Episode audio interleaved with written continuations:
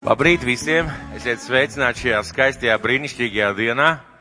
Dieva ģimenē cerība, draudzē cerība, priecājamies jūs visus redzēt. Mums ir bijusi ļoti aizraujoša un gara nedēļa, pareizi? Mēs, mēs pirmdien bijām pa brāļu, brāļu draugu pēdām un piedzīvojām, redzējām labas lietas un tiešām bija vērtīgs brauciens, kā kurš dzirdēja, kā kurš saņēma. Uh, ir viena frāze, kas palika manā prātā, mēs kristieši sakam, palika sirdī. Nu, viņa tā ieķērās prātā un pēc tam pārgāja drusku zemāk uz sirdi. Jo smaga tā doma, tāda laba doma. Uh, nezinu kā jums, bet uh, kādā mirklī šis mācītājs, kad es pajautāju, kāda viņiem bija dievkalpojuma kārtība, uh, autobusā, man liekas, tas bija autobusā, viņš pateica, kā kāda kārtība. Viņiem dievkalpojums bija visa dzīve. Un tad viņi svētdienās sanāca kopā. Un es domāju, tā ir ļoti pareiza frāze, ļoti pareiza doma, ka, un tāpēc arī bija tas rezultāts, ja mēs atceramies, ja, kā šī, šīs brāļu draudzes izmainīja Latviju. Kā viņu dievkalpojums bija visa dzīve, bet tad svētdienās viņi sanāca kopā.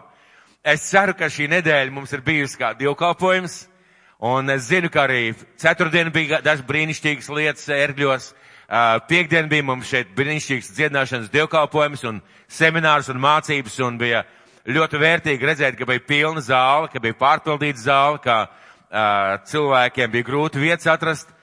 Un vai kāds būtu gatavs teikt uh, amen par to, ka jālūdz, lai tā būtu katrā dievkalpojumā? Amen! Tā vajadzētu būt katrā dievkalpojumā, ja? un tas būtu tādas patīkamas problēmas, kad atnāc un tu, tu nokavē trīs minūtes un tu nevari atrast vietu. Tas gan būtu jauki, vai ne? Bet šobrīd mēs, paldies Dievam, varam atrast savu vietu pagaidām. Es ceru, ka ne ilgu laiku. Mēs esam sanākuši kopā Jēzus Kristus vārdā, lai kopīgi pielūgtu, lai slavētu, lai klausītos viņu vārdu, lai piedzīvotu, ko Dievs dara šodien.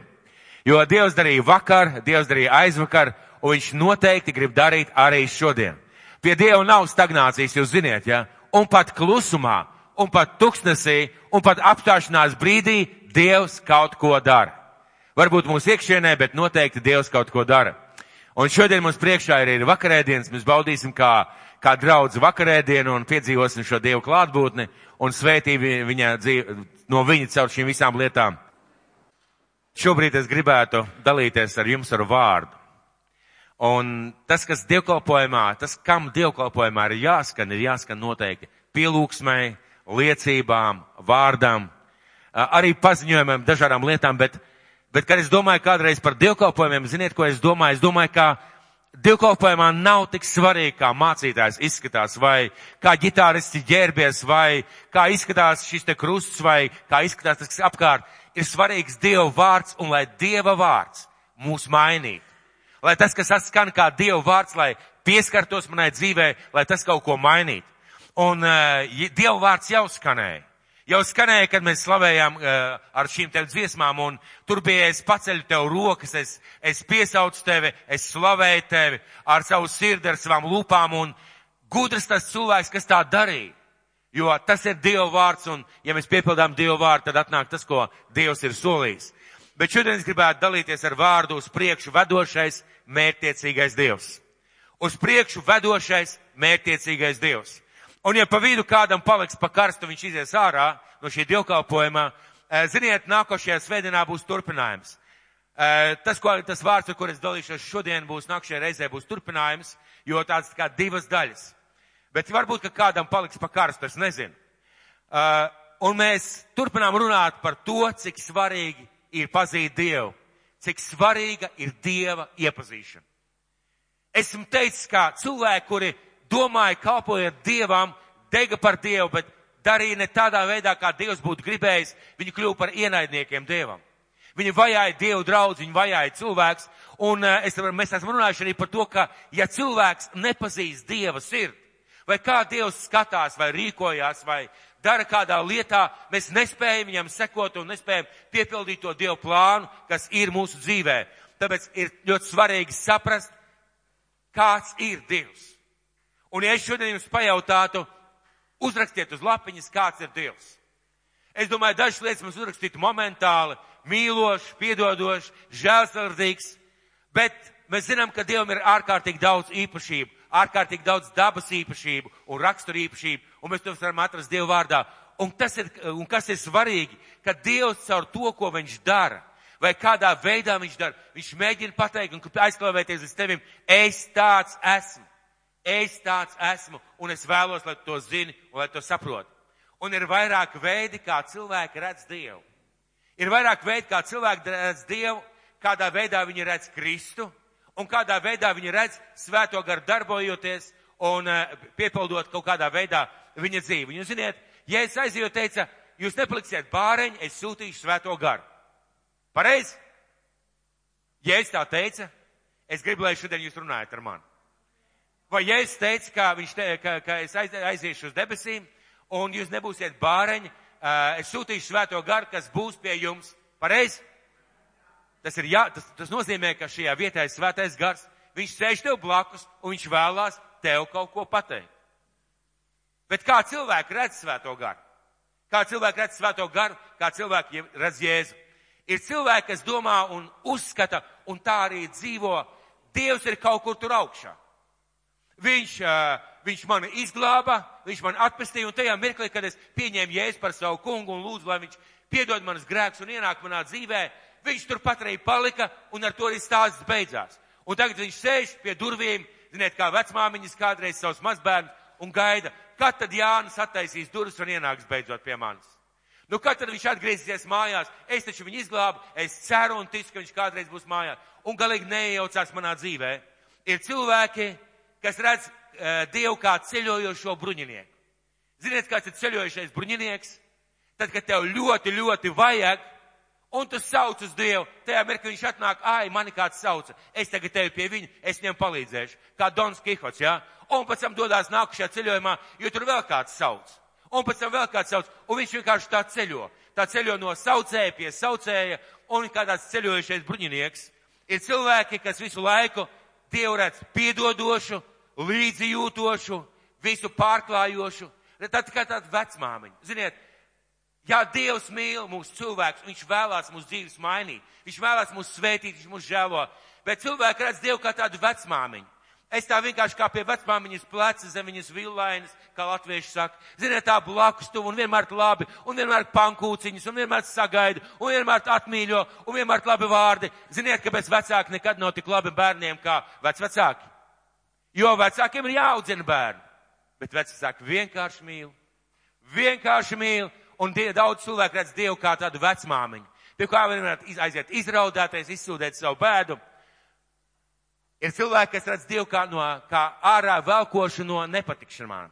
Nu, tādu sentimentālu, kas visu laiku spiests reaģēt uz mūsu problēmām. Es aizgāju, sastrādāju ziepes, es sa, sa, sabāros ar to, es darbā izdarīju to, man neveicās tas, un Dievs man visu laiku vēl kā ārā no nepatikšanām. Vienkārši kāds glābšanas dienas ja, kuru vienmēr var piezvanīt, viņš atbrauc, izvēl kārā, aizved uz stāvvietu un tad dodas projām. Uh, mēs tikai darām, mēs tikai darām, Dievs tikai mūs žēlo, tikai mūs žēlo, tikai mūs žēlo. Jā, Dievs mūs žēlo. Bet Dievs nav persona, kas nepārtraukti reaģē uz notikumiem mūsu dzīvē. Patriet šo, prātu, šo domu prātā, jo es runāšu tālāk par to. Dievs nav Dievs, kas nepārtraukti reaģē uz mūsu notikumiem mūsu dzīvē jeb uz to, ko mēs sastrādājam. Tāds Dievs nav. Reizēm cilvēki redz Dievu kā tādu bezmērķīgu, un ziniet, vienu lietu esmu pamanījis. Ir ārkārtīgi viegli būt garīgam, jeb domāt, ka tu esi garīgs, nekur neejot. Esat sev kādreiz pieķēruši pie šīs domas? Ir tik labi būt garīgam, tik viegli būt garīgam, es nekur neeju neko nedaru. Es te tā vienkārši plūstu. Man šajā vakarā piekdienas dievkalpojumā bija tāda interesanta saruna ar kādu vīru. Šo vīru es atceros gadiem. Gadiem es viņu atceros. Viņš ir īpašs vīrs. Un viņš nāk uz visām konferencēm, visiem dievkalpojumiem, nāk priekšā, lai par viņu aizlūdz, nāk priekšā, lai, kaut, lai, lai viņu svētītu, un viņš, viņš tāds dedzīgs tajā ziņā. Un var redzēt, ka cilvēks ir garīgs. Ja cilvēks iet uz konferencēm, cilvēks ir garīgs, jaunieši, četri gabali tur sēž, kā jūs domājat? Gan jau ir, jā. Kā jūs domājat, tur līga, ir garīgs vai nav garīgs? Labas pārdomas. Es pirkau par viņu lūdzā, un pēc tam viņš pienāca pie manas svaida rēļu, un mēs sākām ar viņu runāt. Protams, kādā draudzē tu esi? nu, šobrīd es eju tajā un tajā draudzē. Saku, cik daudz tu esi, cikās draudzēs tu esi bijis? Nu, diezgan daudzās. Es saku, zini ko? Viņš jau ir nosirmojis. Izbeidz. Es viņam tā arī teicu, izbeidz staigāt pa draudzēm. Vienreiz sāc kaut ko darīt tajā draudzē. Vienreiz tajā draudzē, kurā tu esi sāc kaut ko darīt, sāc kaut ko veidot, sāc atbalstīt, sāc svētīt, pietieks ģerīt, pietieks ķert garīgu kaifu, staigājot pa, staigājot pa konferencēm. Vienreiz sāc kaut ko darīt, un ziniet, kas bija pārsteidzoši? Viņš pēkšņi aizdomājās. Viņš tā, nu vispār, vispār laikam jā. Un ziniet, ko viņš teica pirms tam? Man nav ģimenes, īsti tā es neko neesmu sasniedzis savā dzīvē. Nu, es te tāds, nu, man, jā, man ir vajadzības, es te vienmēr lūdzu, lai Dievs palīdz un tā. Es galīgi nepazemoju to cilvēku. Es vienkārši ieraudzīju, cik viegli būt garīgam, nekur neju. Vienkārši nē, nekur, un tu būsi garīgs pats savās domās. Un nekur nevajag iet, neko nevajag pārvarēt. Visu laiku cīnies ar savu nogurumu, ar savu depresiju, ar savām vajadzībām, ar savām problēmām, un nekur nē. Vienkārši nekur nē. Un ziniet, kas tad iznāk? Ja Dievs ir tāds bezmērķīgs, nekur nevedošs, vienkārši pārklājošs bruņinieks, ārā vilcēts, ātrā uh, glābšanas sos dienas, iznāk kā tajā skaistajā latviešu tautas melodijā, kuru sacerējis un kuru dzied Ilmārs Dzens. Kā pa miglu mana dzīve iet. Kā pa miglu, kas nekad nepāriet. Kā pa miglu, vai tā nav kauna lieta? Un atkal turpat, kā pa miglu, miglu, miglu, mana dzīve iet. Varbūt kāds pazina sevi? Varbūt kāds pazina sevi? Vienmēr pa miglu. Vienmēr garīgi, vienmēr nekur neejot, vienmēr pārklājot, lūdzot, žēlojot, kristieša dzīve kā pamigla. Bet kāda šajā mērķtiecības uz priekšu iešanas ziņā, jeb jomā Dievs pats sevi atklāja? Mēs varam daudz ko izdomāt, bet kā Dievs pats sevi atklāja? Kādu Dievs grib, lai mēs viņu redzam? Atļaujiet man pajautāt jums, kāds Dievs ir, vai viņš ir bezmērķīgs? Vai Dievs ir bezmērķīgs? Vai Dievam ir mērķis? Parunāsim šodien. Ir mērķis, pareizi? Vai Dievs ir tikai vērotājs? Viņš nav tikai vērotājs, pareizi? Vai Dievs ir tikai piedodošs? Arī, bet mans jautājums bija tikai. Vai Dievs ir tādā seciņā kā vecā māte ietinošs ar pankūciņām siltām uz galda? Vai Dievs tāds ir? Jā, Dievā ir ļoti daudz, Dievs ļoti daudz šeit Daudz šķait nav, šķautnains. Dievam ir daudz šķautnes. Viņš ir piedodošs, viņš ir mīlošs. Sākās ar mīlošu. Viņš ir piedodošs, viņš ir žēlsirdīgs, viņš ir mīlestības pilns Dievs, un mēs nevarēsim nekad līdz galam aptvert un izprast Dievu. Bet vai Dievs ir mētiecīgs un kaut kur vedošs? Jo tajā ceļā, pa kuru mēs ejam, mums vajag žēlastību, mums vajag piedošanu, mums vajag sedziņu, mums vajag siltas pankūciņas uz galda, Mums vajag, lai mūs izglāb, lai mūs izvāk ārā. Mums to visu vajag, bet vai Dievs ir mērķiecīgs un uz priekšu ejošs? Un kā tas, kāds ir Dievs, ko viņš par sevi ir atklājis, attiecas uz mani? Kā tas iespaido mani? Ja Dievs ir mērķiecīgs un uz priekšu ejošs, tad kā tas iespaido mani? Varbūt, ka Kristus vada tikai bīskapus, mācītājus, īpašos kalpotājus, Varbūt Dievs vada draudzes, pasaules vēsturi, pasaules notikums. Vai Dievs ved un vada arī mani? Vai Dievs ved un vada arī tevi? Un kādā veidā tas iespaido tavu dzīvi? Ja mēs paskatāmies, mīļie, draudzes vēsturē, un ja mēs paskatāmies Dievu vārdā, uzklausiet mani visi, kas skatās kaut kur. Vai ir viena lieta, ko mēs varam pamanīt ārkārtīgi skaidri? viena tāda sarkana līnija. Tie, kas ir daudz izdarījuši pie, priekš Kristus un ar Kristu, viņi visi Dievu ir uztvēruši kā mērtiecīgi uz priekšu ejošu Dievu. Tas ir bijis tas, kā viņi redz Dievu, mērtiecīgi uz priekšu ejošu Dievu. Tie cilvēki, kas ir daudz savā dzīvē sasnieguši, jeb, jeb Dievu valstībā, Viņi uztvēruši un sapratuši, ka Dievs virzās kaut kur. Un ka viņam Dievs ir iedevis laiku, laiku, kurā viņam ir kāda sava loma vai atbildība vai misija, kura viņam ir jāpiepilda. Bet Dievs kaut kur viņu ved. Tie cilvēki, kas ir atstājuši pēdas, pirmkārt savā ģimenē, savā ciematā, savā pilsētā, savā valstī un arī pasaulē, ir redzējuši Dievu kā mērtiecīgi uz priekšu ejošu Dievu. Uz priekšu vedošu un ejošu Dievu, kuram ir mērķis. Kuram ir mērķis? Un šie cilvēki caur klupieniem, caur kritieniem, caur neizdošanos, caur neveiksmēm, caur nespēku ir meklējuši Dieva gribu savā dzīvē un gājuši uz priekšu, sekojot. Un gājuši uz priekšu, sekojot.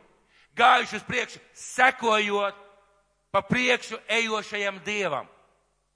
Un gājuši uz priekšu, sekojot pa priekšu ejošajam Dievam. Es atkārtošu vēlreiz, sekojuši pa priekšu ejošajam Dievam. Paskatīsimies Bībelē, lai tas nebūtu tikai manas idejas, paskatīsimies Bībelē. Pirmā mūzes grāmata, pirmā mūzes grāmata, pirmā nodaļa, pats pats sākums. Trešais pants. Sāksim ar otro. Bet zem bija neiztaisīta un tukša, un tumsa bija pār dziļumiem, un Dievu gars lidinājās par ūdeņiem. Un Dievs sacīja, lai top gaisma, un gaisma tap. Sastais pants. Un Dievs sacīja, lai top izplatījums ūdens vidū, kas lai atšķir ūdeņus no ūdeņiem. Un Dievs izveidoja izplatījumu, lai tas šķirtu ūdeņus, kas bija zem izplatījuma no ūdeņiem virs izplatījuma. Un tā tas notika. Tad Dievs sacīja, lai 11. pants, tad Dievs sacīja, lai zeme izdod zaļu sēklu, zāles stādus, kas nobriedina sēklu, un augļu koks, kas nes katrs savus augļus un sēklu. Un tā notika. Skatieties pat zemes radīšanas stāstā. Dievs ļoti mērtiecīgi un sistemātiski virzās uz priekšu. Viņam ir plāns, viņš virzās uz priekšu. Un eh, pirmā nodaļa, 28. pants, 27. Un Dievs radīja cilvēku pēc sava tēla un līdzības. Pēc sava tēla viņš to radīja, vīrieti un sievieti viņš radīja. Un Dievs to svētīja un sacīja viņiem, augļojieties un vairojieties, piepildiet zemi, pakļaujiet sev to un valdiet par zivīm jūrā un putniem gaisā un visiem dzīvniekiem, kas rāpo pa zemi. Dievs izveido cilvēku un dod viņam mērķi, dod viņam uzdevumu, uz kuru virzīties un kādā veidā tālāk, tālāk iet. Caur visu Bībeli mēs redzam, ka Dievs izveido cilvēku. Tad viņš izveido zemi, tad viņš izveido cilvēku. Jūs zinām, es tādiem lieliem soļiem iešu. Viņš sūta noasa plūdus, ja plūdus noasa laikā, jo pasauli ir iegrimus bezdēvībā. Tad viņš aicina Ābrahamu. Mēs runāsim nākušajā dievkalpojumā. Viņš aicina Ābrahamu, saka, Ābraham, Ābraham, izej no savas zemes un ej uz to zemi, kur es tev došu. Viņam ir iesaukuma mērķis un Ābrahams pat nezina, uz kurien viņš dodās. Tad mēs zinām, Jāzeps un viņa brāļi. Dievs Jāzepu caur dažādām lietām aizved uz Ēģipti, lai sagatavotu un Ēģiptes aizsardzībā izaudzētu tautu. Kad tauta ir izaugusi, Dievs satiek nevis netīšām, bet speciāli mūzu pie ērkšķa saka, mūzu, man tev ir uzdevums, izved man tautu ārā no Ēģiptes un ved viņu uz apsolīto zemi. Jūs ziniet, Jozua ieved viņu šajā zemē. Un tad mēs redzam ebreju tautas vēsturi. Un caur šo vēsturi mēs redzam, kā veidojās, kā veidojās tauta, kā veidojas apstākļi, kā veidojas notikumi. Un tad, nu, tad ir jēzus nākšana. Un tad ir jēzus nākšana. Un kad jēzus nāk un sāk savu kalpošanu, jūs paskatieties, cik mērtiecīgi. Cik mērtiecīgi jēzus uzsāk savu kalpošanu un visu, ko viņš dara. Lūkas evaņģēlī 4. nodaļā viņš saka tā. Tā kunga gars ir uz manis, jo viņš mani svaidījis sludināt prieka vēsta nabagiem, pasludināt atsabināšanu cietumniekiem un akliem gaismu un satriektos palaist vaļā. Viss šis vēstījums, ja es pasaku savu misiju, savu vīziju īsiem vārdiem, bet viss tas ir mērķiecīgi kā zibens no debesīm, kā, es nezinu, kā kāds, kāds tāds spēks, kas virzās pa zemi un maina, maina cilvēku dzīves. Un uh, vēl viņš teica par sevi kādu interesantu lietu. Jāņa evaņģēlijas desmitā nodaļa. Gribu, lai jūs atšķirat Jāņa evaņģēlijas desmitā nodaļa. Jāņa evaņģēlijas desmitā nodaļa no 2 līdz 4 pantam. Un es gribu, lai mēs šo vietu ieraugam nedaudz savādāk nekā parasti. Parasti mēs runājam par to, ka mēs esam viņa avis.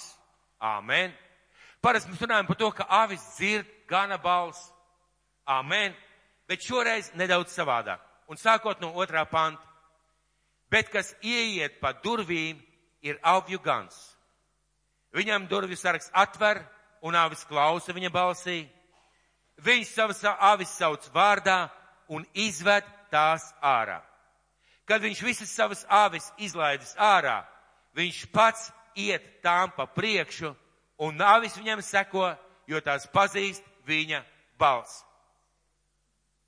Trešais, otrais, trešais un ceturtais pants. Vai jūs redzat kaut ko ārkārtīgi mērķiecīgu? Vai jūs šajā vietā redzat Jēzu, kurš vienkārši apsēžās kā glābēji sos signālu, sos uh, dienestiņš un velk mūs ārā un pēc tam atstāja? Vai jūs šeit redzat tādu vecmāmiņu, kurš ietien saziņā dēliņu, tev nekur nav jāiet, es vienkārši atnācu pie tevis samīļot?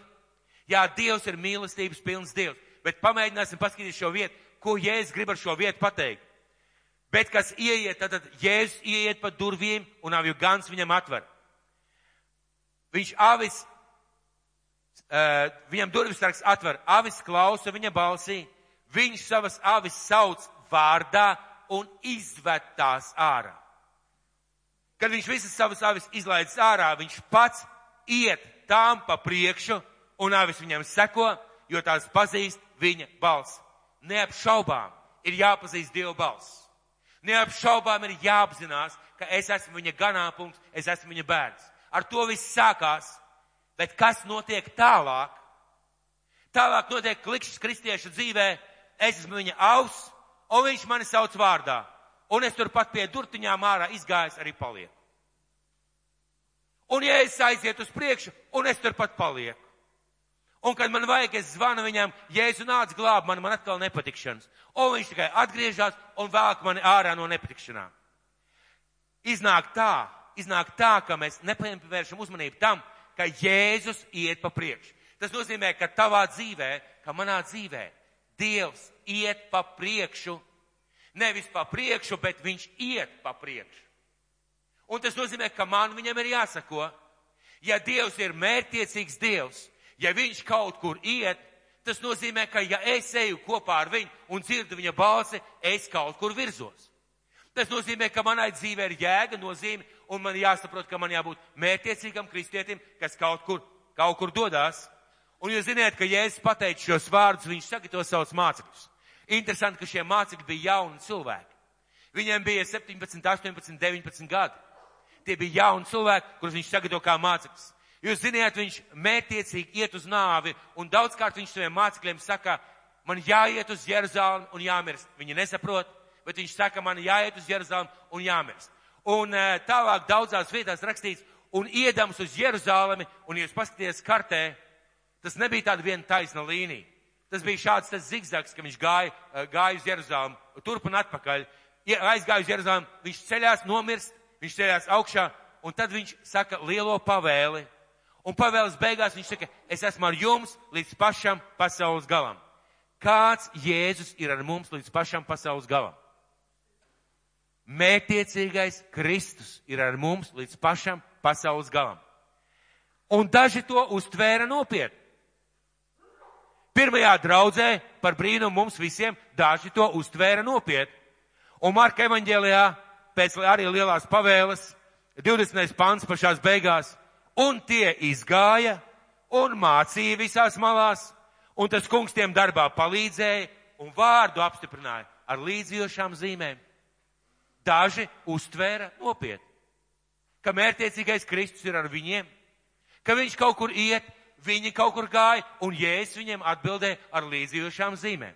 Ja jūs lasat apustoļu darbos pēc vajā, vajāšanām Stefana dēļ, rakstīts, daudzi aizgāja un nesludināja nekur tikai jūdejā Bet tad tālāk rakstīts, bet daži sludināja, un tas kungs deva atgriešanos, un Samarijā sākās atmod. Tad ir jautājums, kurš bija garīgāks un kurš bija gudrāks?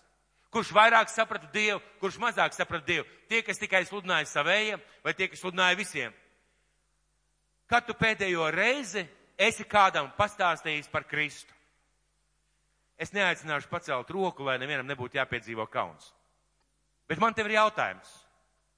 Ja Jēzus teica, ejiet un sludiniet, kad tu pēdējo reizi to izdarīji?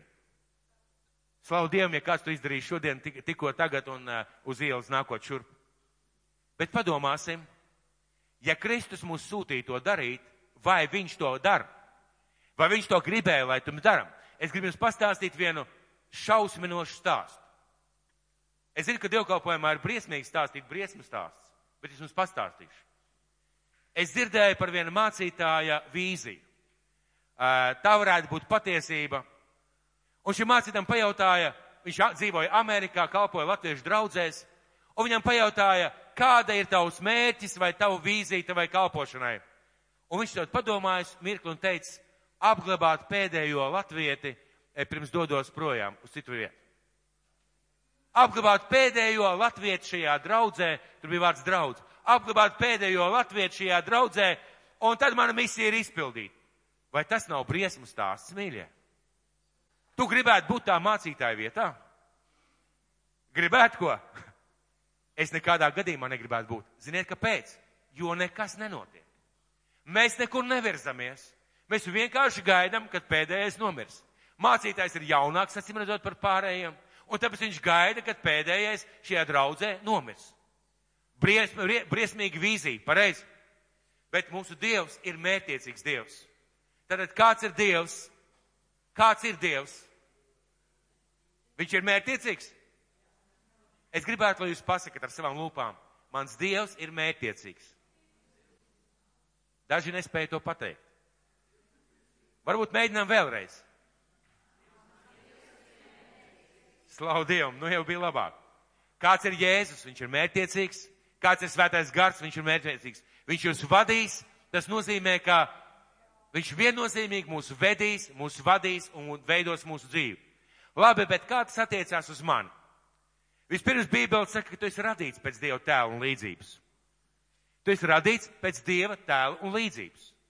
Tas nozīmē, ka tevī iekšā ir šī mērķtiecība.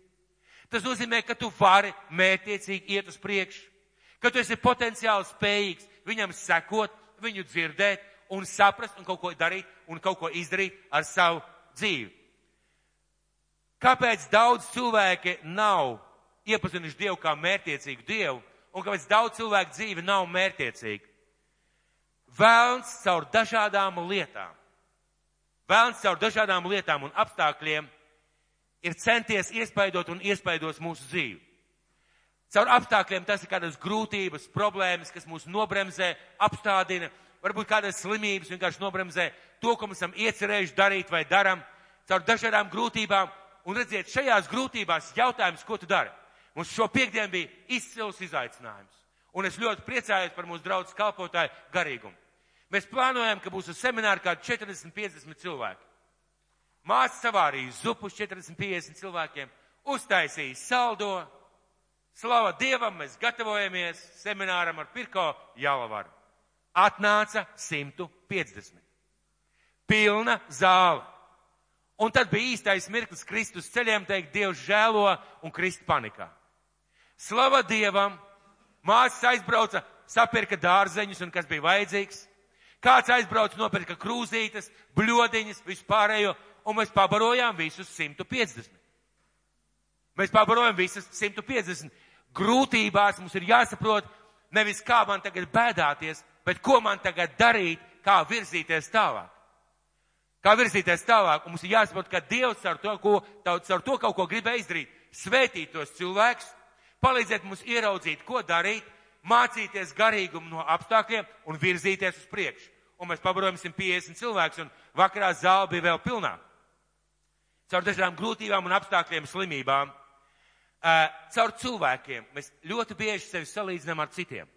Mums cilvēkiem ir tāda tendence skatīties nevis uz tiem labākajiem piemēriem, bet ja mēs skatāmies uz labajiem piemēriem, mēs parasti tā, nu viņam jau ir labāk.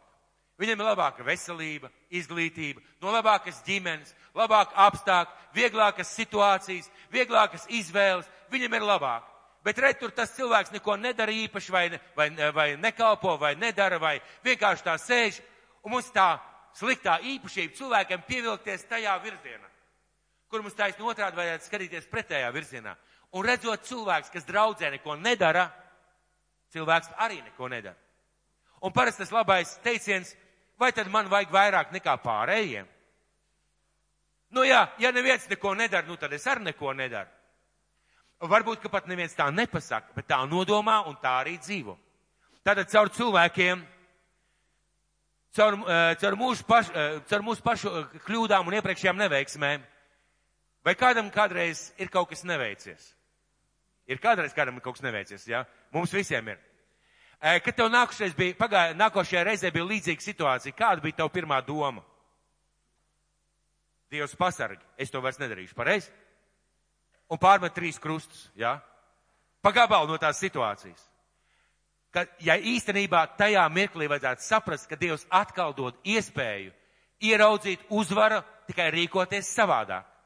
Tātad ar mūsu pašu iepriekšējām neveiksmēm vai mums nav izdevies, mēs sev pārvākam krustu un sakam, es to vienreiz darīju, man neizdevās, es to tālāk vairs nedarīšu. Caur reliģiozitāti mēs esam pieraduši, ka mēs sēžam dievkalpojumos, mājās lūdzām Dievu, lasam Dievu vārdu, un tas ir viss, ko mēs darām. Mīļie, tā ir reliģiozitāte. Jo šajās brāļu draudzēs man ļoti patīk šis te uzstādījums, dievkalpojums visa dzīve. Un tā arī vajadzētu būt ka visai dzīve ir dievkalpojums, ka mēs neesam vienkārši reliģiozi, kuriem pietiek ar dziesmām, aizlūkšanām, svētībām, ka mēs savā dzīvē nekur neejam tālāk. Caur māsām un brāļiem. Dīvaini, pareizi. Dīvaini, caur māsām un brāļiem. Es jums paskaidrošu, ko es ar to domāju. Kad kādam cilvēkam ir kāda problēma vai grūtība vai kaut kas nepareizs dzīvē sanācis vai iekūlies kādā ķezā vai vēl kaut ko, lūksim Dievu lai Dievs pārklāj šo problēmu. Lūksim Dievu, lai Dievs nomierina. Lūksim Dievu, lai Dievs atnāk ar mieru. Un mēs lūdzam, lai Dievs atnāk ar mieru. Un paldies Dievam, viss nomierinās, gan jau Dievs žēlos un Dievs žēlo, viss salīdzinās, viss nokārtojās. Un kur paliek vārdi? Vairs tā nedari. Un kur paliek vārdi? Padomā, kāpēc tavā dzīvē tā gadījās? Viņi izpaliek, ziniet, kāpēc? Jo tajā mirklī tev ir jākonfrontē tas cilvēks. Kāpēc man brālim, kurš dzīvo kaut kādās nepareizās lietās, teikt, zini ko, brāl, tev vajadzētu šito atstāt? Jo viņš taču var apvainoties uz mani. Un kristībā mīlestība saka, netiesā, neapsūdzi, nepamāci. Jā, saka pamāci, bet, bet kā es tā viņam teikšu? Man pašam gadījies dzīvē, ka es eju cilvēkiem saku par kalpošanu vai par kādām lietām, arī jums gadīsies. Varbūt, ka vajadzētu tā, varbūt, ka vajadzētu tā. Ko tu man bakst? Kāpēc tu man kaut ko aizrādi? Kāpēc tu visu kontrolē? Šim brālim, ar kur es runāju, es jau teicu, es ceru, ka viņš tā nenodomāja. Jo beigās viņš teica, jā, laikam, laikam vajadzēs kaut ko sākt darīt. Lai Dievs sveitī, ka viņa dzīvē tā notiktu.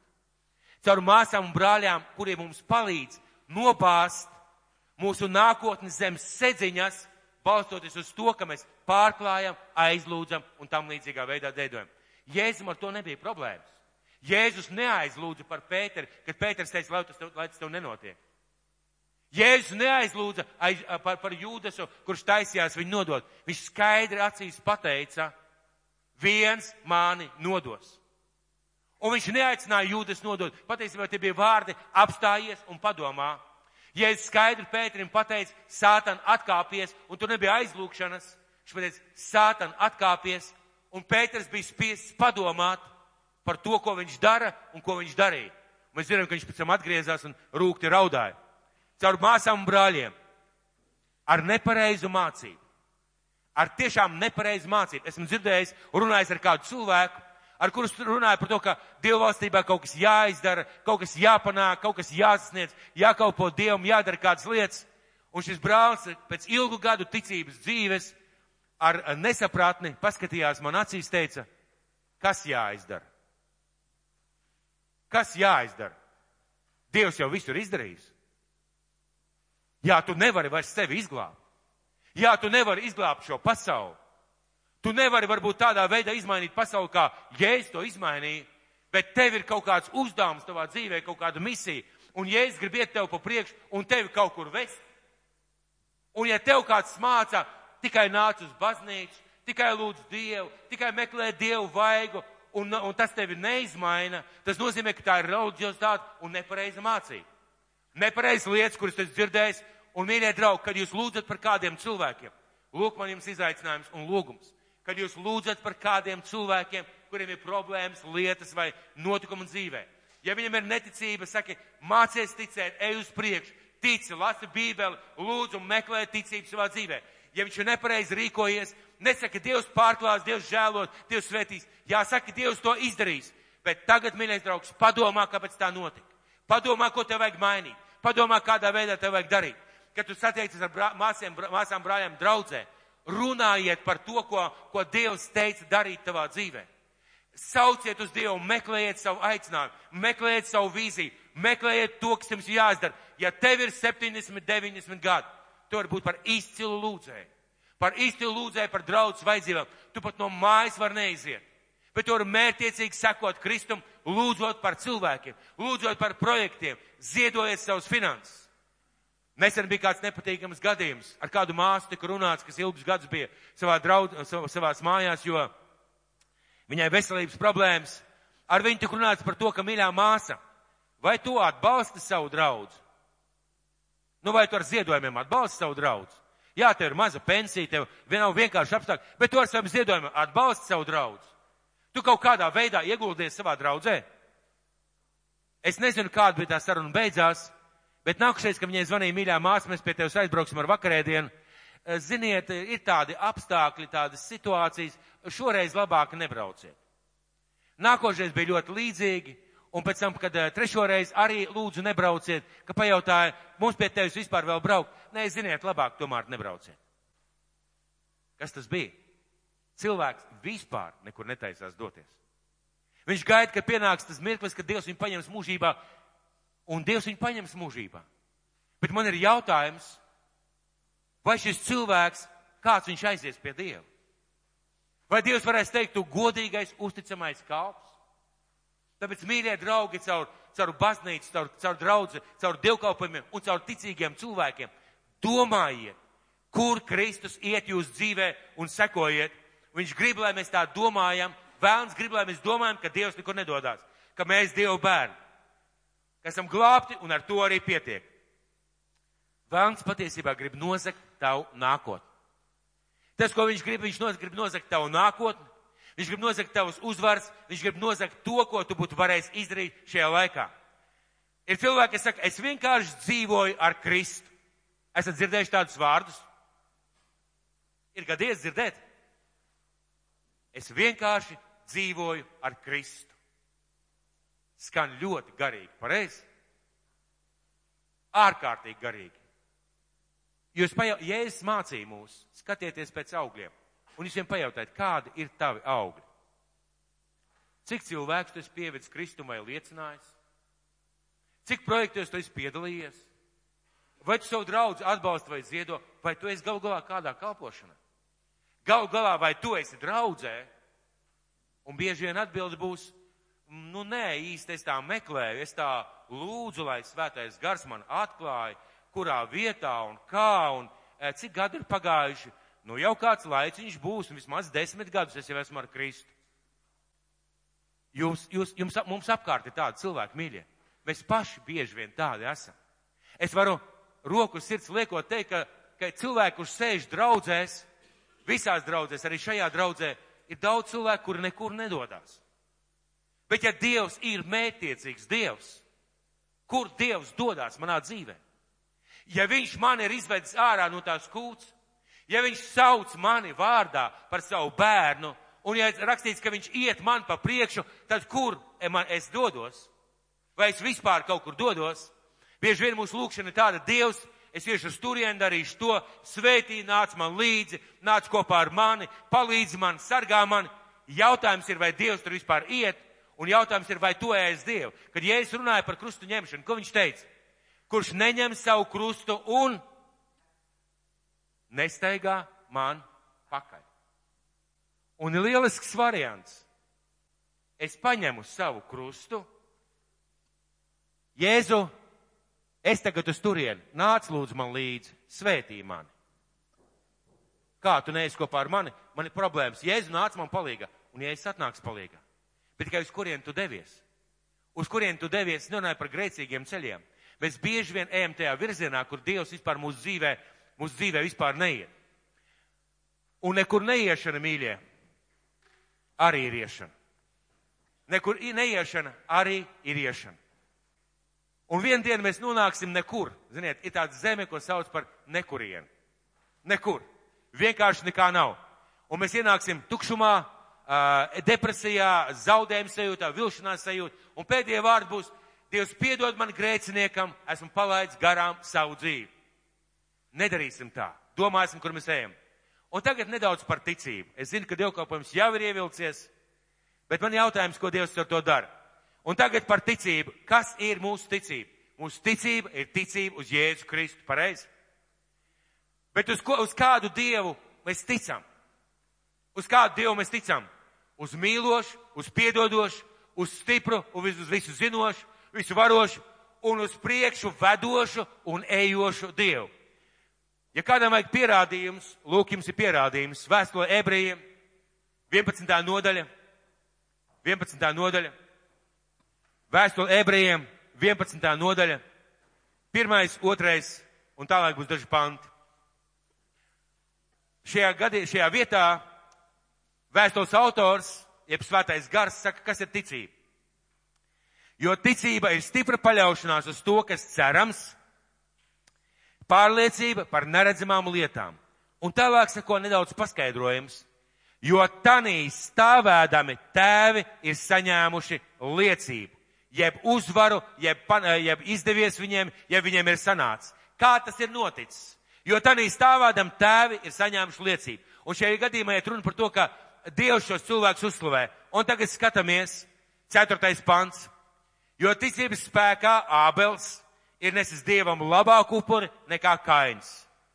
Tātad ticības spēkā Ābels gāja uz savu e, dārziņu, ņēma tos augļus, vai ko viņš tur ņēma, Ābels, vai ko viņš tur upurēja, ņēma šo upuri un atnesa Dievam. Reāla darbība. Skatīsimies tālāk. Ticības spēkā piektais pāns. Ēnoks tika aizrauts tā, ka viņš neredzēja nāvi un viņi neatrada tāpēc, ka Dievs viņu bija aizrāvis. Jo pirms, tā, pirms aizraušanas par viņu nodota liecība, ka viņš Dievam paticis. Tātad viņš tik tuvu staigāja ar Dievu. Tātad viņš tik tuvu bija pietuvojies Dievam, ka Dievs uzskatīja par nepieciešamu aizraut viņu uz debesīm vēl dzīvi esot. Bet tā bija reāla darbība. Lasam tālāk. Septītais pants.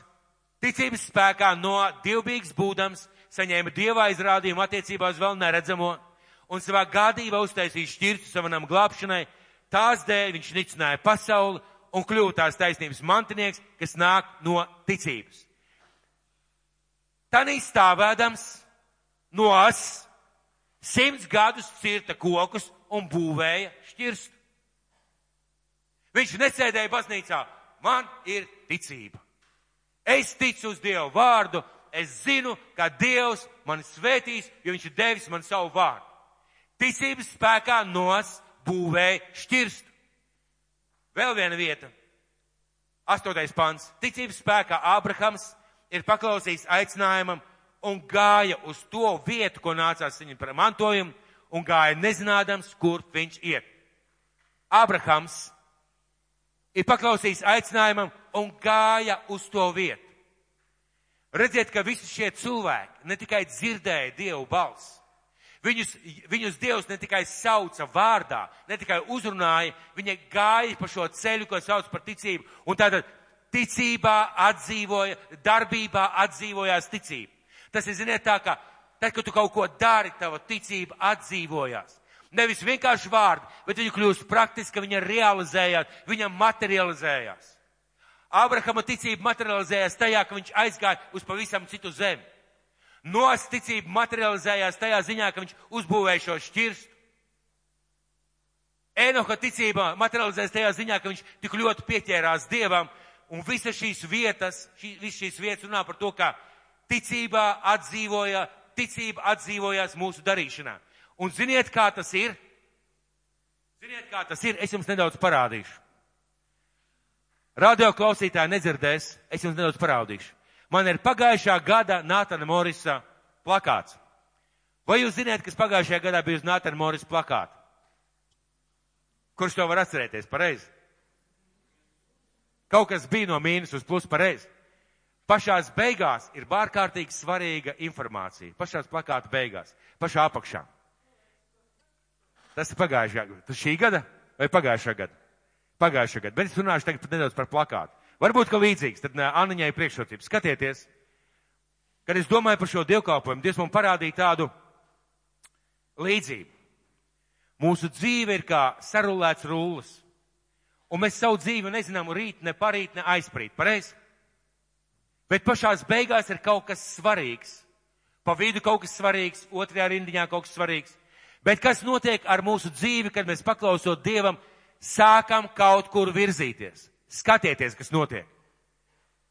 Vispirms es ieraugu krustu, pēc tam es ieraugu no mīnus uz plusu, tad es ieraugu cilvēku, cilvēciskos mīnus, Dievs pārvērš plusos, tad es ieraugu evanģelizācijas dievkalpojumu no mīnus plus ar Nātanu Moris.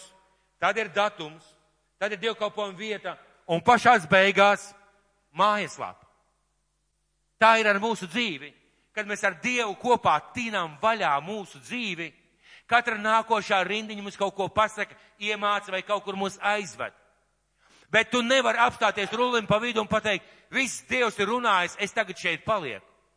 Mūsu visu dzīvē līdz pēdējiem elpas vilcienam Dievam ir plāns. Līdz pēdējiem elpas vilcienam Dievam ir plāns mūsu dzīvē, un es esmu bijis bērēs, kur pat bērēs bērēs šis cilvēks, kurš zārkā kalpo pārējiem. Ziniet, kāpēc? Jo viņa dzīve bija mērķiecīgi nodot Dievam. Pat ja viņš bija slims vecumā, pat ja viņam bija problēmas, viņa dzīve bija nodot Dievam, un Dievs viņu veda. Un pat bērēs, pat šajās bērēs stāvot un runājot, Dievs caur šo cilvēku darbojās. Un pat, kad šis cilvēks ir zem zemes, ja viņš bija ticīgs cilvēks, kad mēs aizjām uz kapiem, ko mēs atceramies par tiem cilvēkiem, kur kapus mēs kopjam? Mēs atceramies viņa dzīvi. Mēs atceramies šī cilvēka dzīvi. Un pat miris, pat kapā, šis cilvēks turpina kaut ko darīt, kaut ko runāt. Ko tas nozīmē? Tas nozīmē, ka mērķtiecīgais Dievs mūs visus ved uz priekšu. Tagad es uzdošu jums jautājumu. Tagad es uzdošu jums jautājumu. Kopš pagājušās svētdienas Vai esat virzījušies uz priekšu? Lūdzu, neatbildiet. Daži māja ar galvu ar pārliecību un zina, par ko viņi runā. Bet vai jūs esat virzījušies uz priekšu savā dzīvē? Vai pa šo nedēļu jūs esat gājuši kaut kā tajā, un varbūt tas ir ilgs process, bet tie ir bijuši tādi mazi solīši tādā ilgā procesā. Vai jūs esat gājuši uz priekšu? Vai jūs esat sekojuši Dievam tajās lietās, kuras Dievs jūs ir aicinājis vai kurās ir runājis? Un ja jūsu dzīvē šobrīd ir tuksnesis, mīļie, Dievs izcili runā tuksnesī. Pat tuksnesī Dievs uz kaut kurienu ved. Pat pilnīgā klusumā un tādā situācijā, kad nekas it kā liekas nenotiek. Dievs tev uzdod jautājumu, tā kā Ēlijam uzdeva jautājumu šajā alā, kad viņš bija iemucis. Ko tu šeit dari? Un Ēlijam jāatbild, ko viņš šeit dara. Tā tas nozīmē, ka mūsu mērķiecīgais Dievs mūs ved uz priekšu. Un es nu gribētu nobeigt šo dievkalpojumu ar uh, vietu no pirmās mūzes grāmatas, 12. nodaļas, 1. un 1. līdz 3. pants, 4. pants. Jums mājās būs uzdevums. Redziet, es runāju tagad par mērķiecīgo Dievu. Vai es runāju par mērķiecīgo Dievu? Visiem, kuriem acis ciet un kuriem aizmiguši, pamājiet ar roku. Šajā mirklī varbūt kāds pamodās, jā? Ja? Tātad es runāju par mērķtiecīgo Dievu. Un Dievs noteikti vēlās turpināt šo sarunu ar jums. Un es gribētu jūs palūgt, atzīmējiet, pirmā mūzes grāmata, 11. nodaļa no 27. līdz 32. pantam, pirmā mūzes grāmata, 11. nodaļa no 27. līdz 32. pantam, Vajadzēs izlasīt mājās. Pirmā mūzes grāmata, 11. nodaļa, no 27. panta līdz 32. pantam. Es ticu, ka visiem ir izcila atmiņa. Es tiešām ticu. Bet, kā teica kāds gudrs cilvēks, labāk ir īsts zīmols nekā gara atmiņa. Pareizi? Tad pierakstiet. Pirmā mūzes grāmata no 11. 11. nodaļa, no 27. līdz 32. pantam. Un tad 12. nodaļa no 1. līdz 4. pantam. 12. nodaļa no 1. līdz 4. pantam. Izlasiet, nedaudz pārdomājiet, un nākošajā svētdienā mēs turpināsim sarunu. Bet uh, jūs jau nosiet, būsiet izlasījuši un būsiet piefiksējuši, un es aicinu jūs padomājiet par to. Bet 12. nodaļā sākās ar pirmo pantu, un tas kungs sacīja Ābramam, izēj no savas zemes, no savas cilts, no savām tēvu mājām uz zemi, kuru es tev rādīšu. Un es tevi darīšu par lielu tautu, es tevi svētīšu un darīšu lielu tavu vārdu. Un tu būsi par svētību. Es svētīšu tos, kas tevi svētī, un novaldēšu tos, kas tevi nolāda, un tevī būs svētītas visas zemes ciltus. Un Ābrams izgāja, kā tas kungs to viņam bija sacījis, un līdz ar viņu izgāja arī Lats, bet Ābrams izējot no cārans bija 75 gadus vecs, un Ābrams izgāja, kā tas kungs to viņam bija sacījis. Sakiet lūdzu, vai visi pierakstīja? Vai vismaz jūsu sieva vai jūsu vīrs pierakstījāt, jā? Ja? Kurš pie, pierakstīja, paceliet roku? Tā jau ir virzība uz priekšu, mīļie. Tas jau ir solis. Cik reizes esmu teicis pierakstīt šo vietu, un cilvēki tā skatās uz mani. Apmēram nākošu reizi lika drusku pagaidīt. Tā jau ir virzības priekš. Izlasiet šīs vietas mājās līdz nākušajai svētdienai. Izlasiet un padomājiet, ko svētais gars tev grib pateikt. Un tad mēs tālāk turpināsim šo sarunu. Mīļais dabas tēvs, kungs, es tev pateicos, ka mēs šajā dienā varam būt kopā kā tevi bērni. Tēvs, mēs tev pateicamies par to, ka mēs varam stāvēt šajā vietā un sapulcēties tā vietā kā tevi bērni. Debes tēvs, tu esi mūs izglābis, tu esi mūs atpircis, tu esi mūs nomazgājis, tu esi mūs svētījis un darījis par savu tautu. Mīļais kungs, tu esi žēlsirdīgs un pagājis žēlstībā. Tu esi mīlestības pilns Dievs. Tu esi svētījošs Dievs un mīlošs Dievs. Bet, mīļais kungs, tu esi mērķtiecīgs Dievs. Tu esi Dievs, kas virzās pa vēsturi. Tu esi Dievs, kas virzās mūsu dzīvē. Tu esi Dievs, kas sauc mūsu vārdā, izved ārā un ej mums pa priekšu. Kungs, svētī mūs, lai mēs spējam un lai mēs tev sekojam, lai mēs sekojam tajās pēdās, kur tu mūs ved. Un es tev, Jēzu, pateicos, ka tu nekad nekļūdies, ka tev nekad nav jāpārdomā, ka tu vien ved, vienmēr ved mūs uz labām ganībām, uz brīnišķīgām vietām, uz cīņām, uz kaujām, uz izaicinājumiem, bet uz svētībām un uz izaugsmu kopā ar tevi. Kungs, svētī vienu šajā dienā, kas klausījās un kas vēl klausīsies, tāpēc tev svētī vienu, kas pārdomās savu dzīvi. Un mīļais Dievs, lai tava roka un tava balss mums ir skaidri redzama un skaidri dzirdama mūsu dzīvē. Jēzus Kristus vārdā. Āmen!